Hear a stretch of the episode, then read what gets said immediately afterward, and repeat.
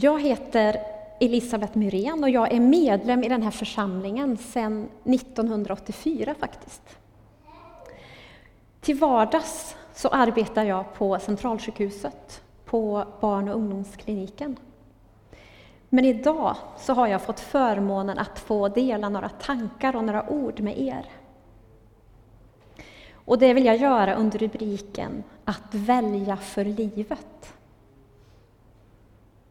När jag gick på högstadiet så hade jag en bästa kompis, hon hette Anna. Och hon var med i baptistkyrkan i den här stan. Och hon tog med mig till den kristna skolgruppen på Mariebergsskolan som vi gick på. När jag sen började på vårdskolan och läste till undersköterska så blev jag kompis med Sofia och Karina som båda hade en levande tro på Jesus. Och det var Karina som tog med mig till den här församlingen. Och jag blev en i ungdomsgänget här. Och vi hade så roligt tillsammans. Vi hittade alltid på någonting efter gudstjänsterna. Vi grillade, vi spelade brännboll, vi hängde, vi fikade. Men efter varje gång som vi hade varit tillsammans så spelade vi gitarr och sjöng och vi, fick, och vi bad en bön. Men jag var väldigt tydlig till mina kompisar att jag har ingen tro på Gud. Jag respekterar er och er tro på Gud om ni respekterar mig. Och på den vägen så var det i ungefär ett, ett och ett halvt år. Då satt jag på en gudstjänst i den här lokalen. Och vi blev ombedda att stå upp och vi skulle be för varandra när vi stod i bänken. Och där och då, jag kan inte beskriva det med något annat ord, fick jag en sån nöd, jag fick en sån syndanöd. Det som jag hade hört mina kompisar prata om, den Gud som de hade bett till, han ville jag också få fatt i. Och jag kände ett sånt utanförskap. Så med tårarna trillande ner för mina kinder så sprang jag ut, ut i den dörren där. Och det var Karin, en av ungdomarna här i församlingen, som följde efter mig ut och fångade upp mig. Och vi, vi pratade. Och när gudstjänsten var slut här inne så gick vi tillbaka in hit. Det var andra bänkar på den tiden. Och där fick jag böja knä. Och hon bad för mig. Där och då så bestämde jag mig. Jag gjorde valet att jag ville bli en Jesu efterföljare. Att jag ville bekänna mig till Jesus Kristus. Och den frid och den det ljus och den trygghet jag fick uppleva då, det har jag burit med mig under hela mitt liv. I Romarbrevet 10 och 9 står det Ty om du med din mun bekänner att Jesus är Herre och i ditt hjärta tror att Gud har uppväckt honom från de döda, då ska du bli räddad. Den verkligheten blev verklig då och den är lika verklig för mig idag. I Apostlagärningarna 2 och 41 så står det De som tog till sig hans ord lät döpa sig. Och det var vad jag ville göra också. Jag ville döpa mig. Jag var redan barndöpt. Men jag kände ändå så starkt att jag ville visa mina kamrater, kompisar, visa mina föräldrar att det här med Jesus, det var på allvar för mig. Så jag gick till mina föräldrar och sa att jag vill döpa mig. Och de sa, framförallt min pappa sa, nej, det där är bara en, en liten en grej, det där kommer gå över. Och eftersom inte jag var myndig så fick jag vänta tills sommaren efter jag fyllde 18 då hade vi möten ute på Skutberget. Skutberget ligger en mil utanför stan, är som ett stort friluftsområde med en campingplats och en badplats. Och där hade vi rest ett stort tält där vi hade firade gudstjänst. Och efter en sån gudstjänst så gick vi tillsammans ner till stranden. Mina föräldrar var med. Och det var kanske tusen stycken som stod där och tittade när jag fick döpas till Kristus. För mig var det en sån manifestation. Det var så häftigt, skulle jag vilja säga. Ja, att bli en kristen är ett val som har påverkat mig under hela mitt liv. Och vi gör ständigt val. Små och stora.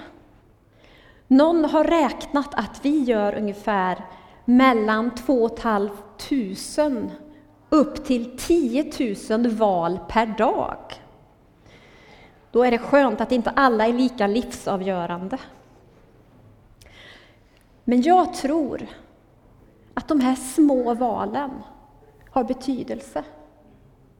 Jag tror att våra val speglar vilka vi är. Jag vill hämta två exempel ifrån Bibeln och börjar med Rut. Och du ska få en kort bakgrund. Naomi och hennes man och hennes två söner bodde i Israel. Där blev det hungersnöd. Och Naomi och hennes man beslutade att vi måste flytta någon annanstans för att kunna mätta vår familj. Och de flyttade till Maobs land. Moabs land, ursäkta. Men väl där dör mannen och Naomi blir ensam med sina två söner. De växer upp och gifter sig med Orpa och Rut. Men efter ungefär tio år så dör de båda sönerna. Och Naomi bestämmer sig för att flytta tillbaka till Israel där hungersnöden nu är över. Och hon tar med sig sina sonhustruar. Men efter halvvägs på resan så kommer Naomi på att hon är änka och hur ska hon själv kunna sörja för Naomi och Ru, eller för Orpa och Rut? De är också änkor. Så hon säger till dem att det är mycket bättre för er att ni vänder åter, att ni går tillbaka till ert folk, till ert land, till era föräldrar. Och Orpa, hon gör valet att gå tillbaka. Men om Rut så läser vi i Rut 1, 16-17. Tvinga mig inte att lämna dig, för jag vill gå dit du går och bo där du bor. Ditt folk ska vara mitt folk och din Gud ska vara min Gud. Jag vill dö där du dör och bli begravd där. Måtte Herren straffa mig om jag låter något annat än döden skilja oss åt. Naomi och Rut, de förenades i sin tro på Gud. Det var han som stod i centrum. Naomi hade i sitt vardagsliv visat Rut glädjen i Gud, hans trofasthet och hans helighet. Naomi förde både sin gudslängtan och sin gudsfruktan över till Rut. Naomi var ett sant föredöme, både i sin relation och i sin vardag. Och vi behöver alla de här goda, sanna föredömena runt oss. De gör skillnad. Det här gjorde att Rut valde Herren och därmed Naomi. Och utan att Rut förstod vidden av sitt beslut så blev hon en del i den släkttavla ur vilken kung David och Jesus härstammar. Hennes val då ger eko in i vår värld idag. Det är stort. Det andra ordet vill jag hämta ifrån eh, Lukas 22, vers 39 till 43. Och det är inför att Jesus ska arresteras och oskyldigt dömas till döden på ett kors.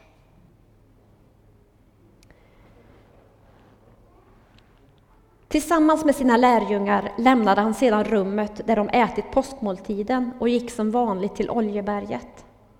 Där sa han till dem, be till Gud så att ni kan stå emot när ni sätts på prov. Själv gick han ett stenkast längre bort, böjde knä och bad. Far, om det är möjligt, så bevara mig från detta lidande. Men jag vill att din vilja ska ske, inte min. Då visade sig en ängel från himmelen och gav honom ny kraft. Han hade nämligen sån ångest och bad så intensivt att hans svett föll som blodsdroppar till marken. Nyckelversen här är Far, om det är möjligt, så bevara mig från detta lidande. Men jag vill att din vilja ska ske, inte min. Jesus, Guds son, hade antagit en mänsklig gestalt. Han upplevde och han kände precis som du och jag gör. Han var en människa fullt ut. Och inför sin uppgift att dö på ett kors, att dö för en hel värld, hade han djup ångest. Och där i Getsemane så höll han på att bryta under av den börda som han måste bära.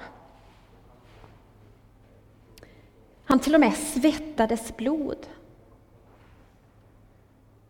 Hans bön om att få slippa sin uppgift avslöjar hur mycket han lider och hur stor hans fruktan var och vilken ångest han kände.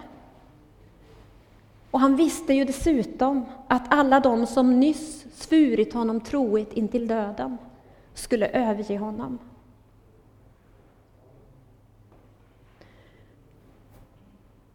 Jesus hade ett val. Han kunde där och då ha sagt Nej, jag gör inte det här. Jag orkar inte bära detta kors för människor som kommer att svika, som kommer att förneka, förneka mig och som kommer att förråda mig. Han visste att Judas, en av hans lärjungar, skulle förråda honom med en kyss och lämna över honom till soldaterna för att han skulle arresteras. Han visste att de lärjungar som nyss svurit honom trohet skulle skingras. Och han visste att Petrus, en av hans närmaste, skulle bara på ett par timmar ha förnekat honom tre gånger. Där och då skulle Jesus kunna ha gjort valet att bli uppfylld av, av bitterhet och av hat och förakt till den mänsklighet som är så svag. Men Jesus gjorde tack och lov ett helt annat val. Han valde korsets väg. Han valde kärlekens väg.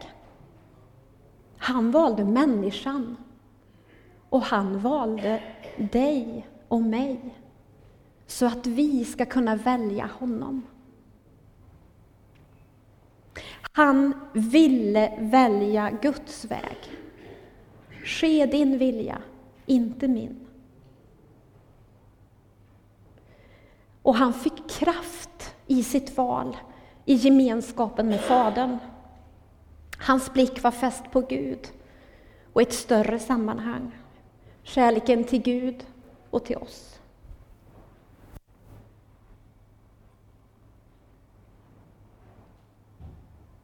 När Jesus valde, då valde han oss. Johannes 15 och 16. Ni har inte utvalt mig, utan jag har utvalt er. När Jesus valde, valde han förlåtelse. Lukas 23 och 34. Fader, förlåt dem, ty de vet inte vad de gör.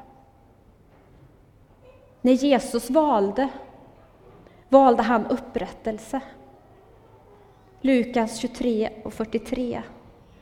Redan idag ska du vara med mig i paradiset. När Jesus valde, då valde han kärleken. Johannes 15 och 9. Liksom Fadern har älskat mig har jag älskat er. När Jesus valde, valde han nåden. Johannes 12 och 47.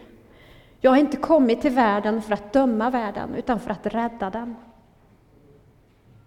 När Jesus valde, då valde han dig.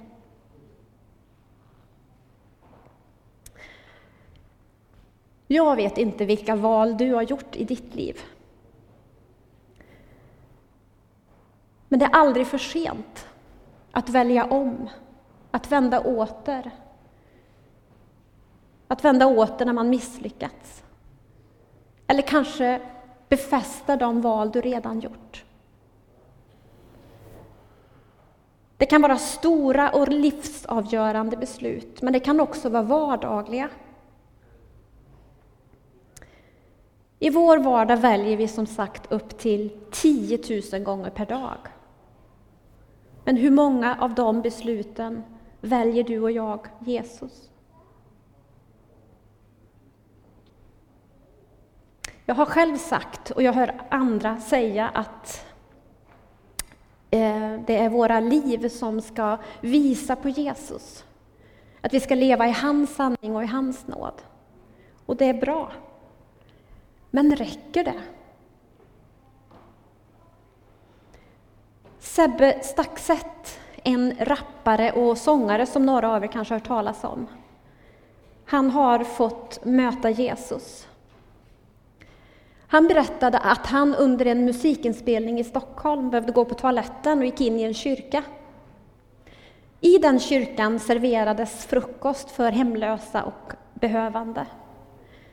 Sebbe hade egentligen inte alls tid, men han satte sig ner för att samtala med två av männen.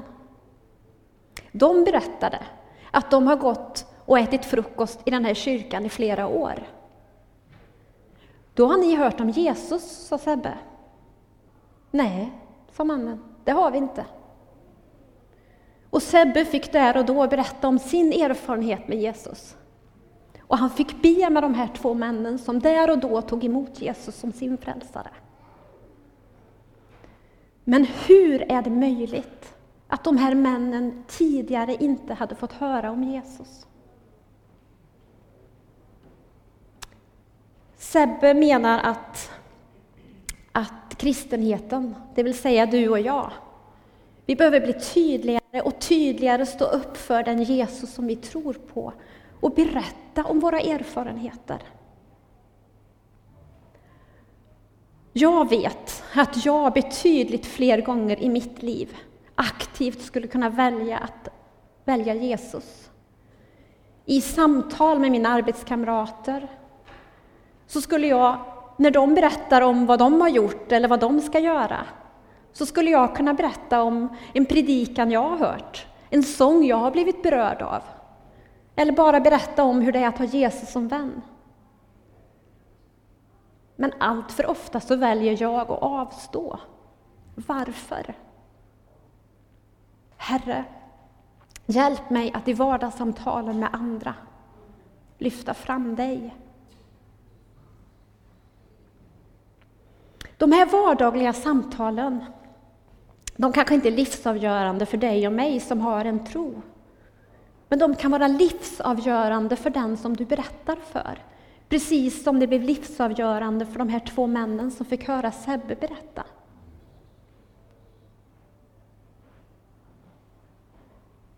Det kan bli livsavgörande att någon får höra vad Gud har gjort i ditt liv, att få höra om dina erfarenheter. Vi säger så ofta, och jag med, att vi inte kan, att det är för svårt, Men jag tror att det är inte det som är frågan här. Frågan är inte om du och jag kan, utan frågan är om du och jag vill. Jesus sa, ske din vilja, inte min.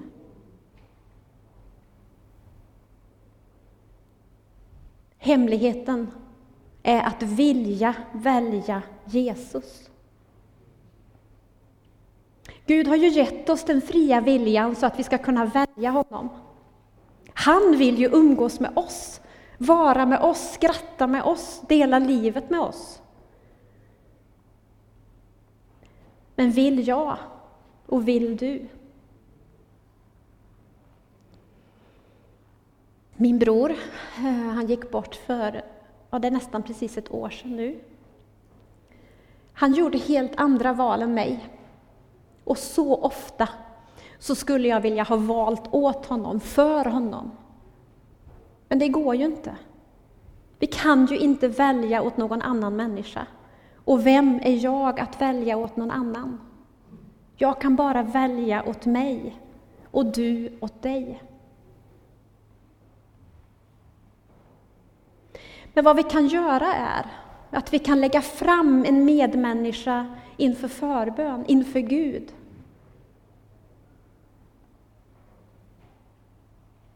I några år nu så har vi varit på Nyhem, jag och min man.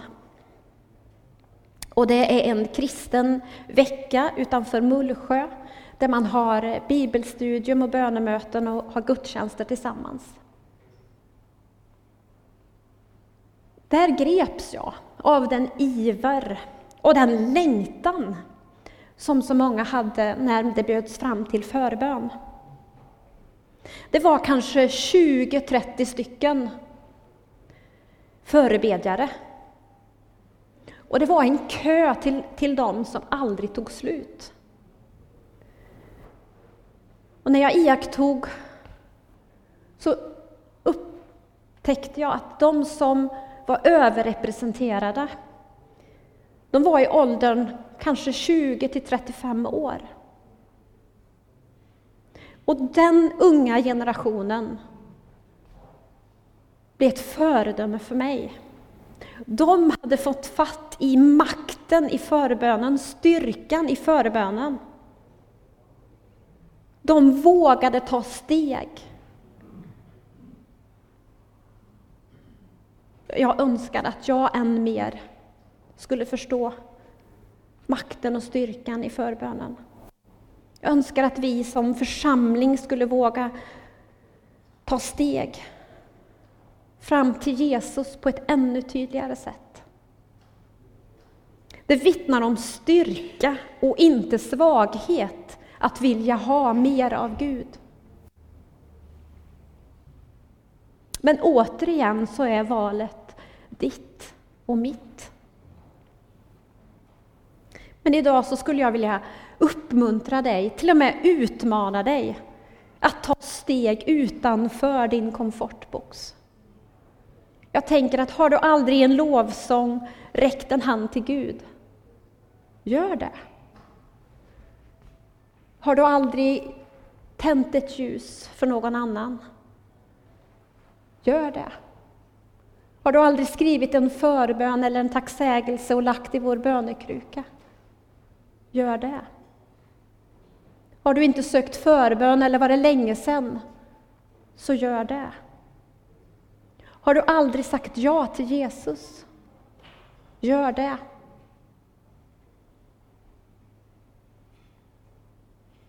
Närma dig Gud, så ska han närma sig dig.